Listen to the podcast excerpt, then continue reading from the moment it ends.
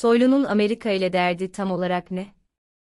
Yazan, Veysi Dündar Süleyman Soylu'nun ısrarla bir zamanların hızlı solcusu misali, anti-Amerikancı söyleme başvurmasının arka planında, tam olarak ne olduğunu hemen herkes merak ediyor. Bir Türk İçişleri Bakanı belki de ilk kez bu kadar cepheden, bu kadar dolaysız biçimde Amerika Birleşik Devletleri aleyhtarı bir duruş ve tutum gösteriyor. Soylu'nun Amerika Birleşik Devletleri'ne dair sözlerinin devlet politikası olmadığını sadece tahmin etmiyor, devletin en üst noktasından gelen dış politika hamleleri ile bunu görüyoruz. Erdoğan'ın Birleşik Arap Emirlikleri emiri, İsrail Cumhurbaşkanı gibi yeni dostlar edinmesi, aslında Amerika Birleşik Devletleri ile ilişkilerin canlı tutulmasına verilen önemi işaret ediyor. Diğer tarafta İbrahim Kalın Amerika Birleşik Devletleri Temsilciler Meclisi üyelerine, farklılıklarımız ve görüş ayrılıklarımız olsa da, biz müttefikiz şeklinde düşünce belirtti. Peki Soylu tam olarak ne yapmak nereye varmak istiyor? Soylu'nun asıl hedefi ne? Siyasi teamüllerin tamamını hiçe sayan, parçalayan bir tavır içinde Soylu. Üstelik bunu inatla yapıyor. Adeta kötü polisi oynuyor. Amerika Birleşik Devletleri için kötü polis Soylu. Peki onu bu denli anti-Amerikan yapan ne? İlk ve en önde gelen olasılık Sedat Peker'in verdiği hasarın arkasında Amerika Birleşik Devletleri'nin olduğuna dair zanlı olabilir. Birleşik Arap Emirlikleri'nden salvolar atan Peker'e müsamaha gösterilmesi belli ki içine hiç sinmemiş. Ama Amerika'yı daha fazla kızdırarak Soylu'nun eline ne geçecek? Ya da gerçekten söylediklerine inanıyor olabilir mi? Soylu'nun siyasal dönüş hızına Usain Bolt olsanız yetişemezsiniz.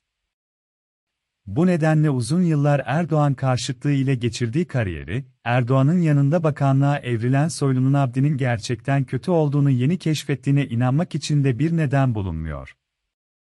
Soylu'nun bu nafile Amerika Birleşik Devletleri düşmanlığının asıl nedenini, Adalet ve Kalkınma Partisi içinde aramak en doğru yaklaşım olacaktır. Soylu AKP'nin en MHP'lisi olarak iki partinin tam orta noktasındaki konumunun, iki partinin koalisyonunun devamına bağlı olduğunun farkında.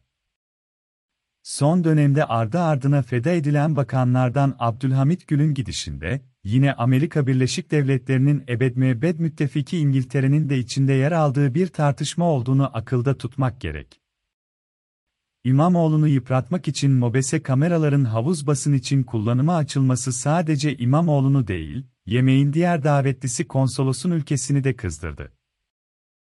Ceyhan'dan son gelen haberlere göre, bu hukuk dışı hareketi bile yargıdan münezzeh tutan bir İstanbul valisi ve ona emir veren bakanı var. Bütün bu verileri alt alta koyduğumuzda, karşımıza çıkan sonuç, Soylu'nun Amerika Birleşik Devletleri sana söylüyorum, Adalet ve Kalkınma Partisi sen anla demesidir.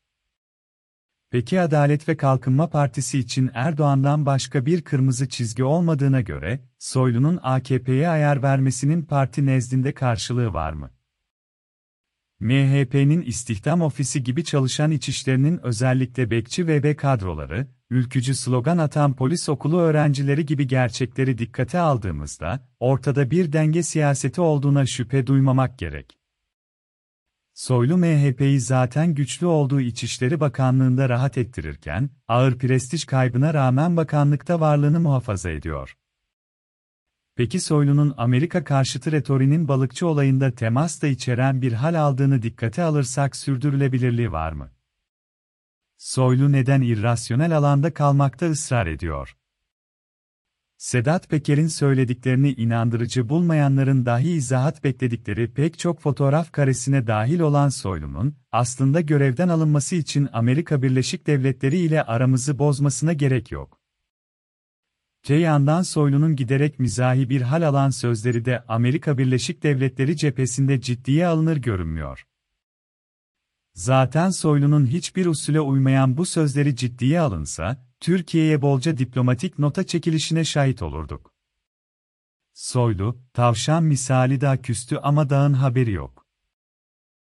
Diğer yanda atasözünün aksine tazıya kaç tavşana tut deniyor ki bunun da devam etmesi imkan dahilinde değil. Süleyman Soylu bir tripoda olmasa da bir lupoya istifayı basmıştı. O zaman geri çekilen istifanın artık klasik hale gelen, affını istemek, şeklinde yakın olduğunu düşünüyorum. İşte o af istendiğinde, ey Amerika, nidasını en güçlü şekilde duyacağız. Amerika'nın zerre umurunda olmasa da.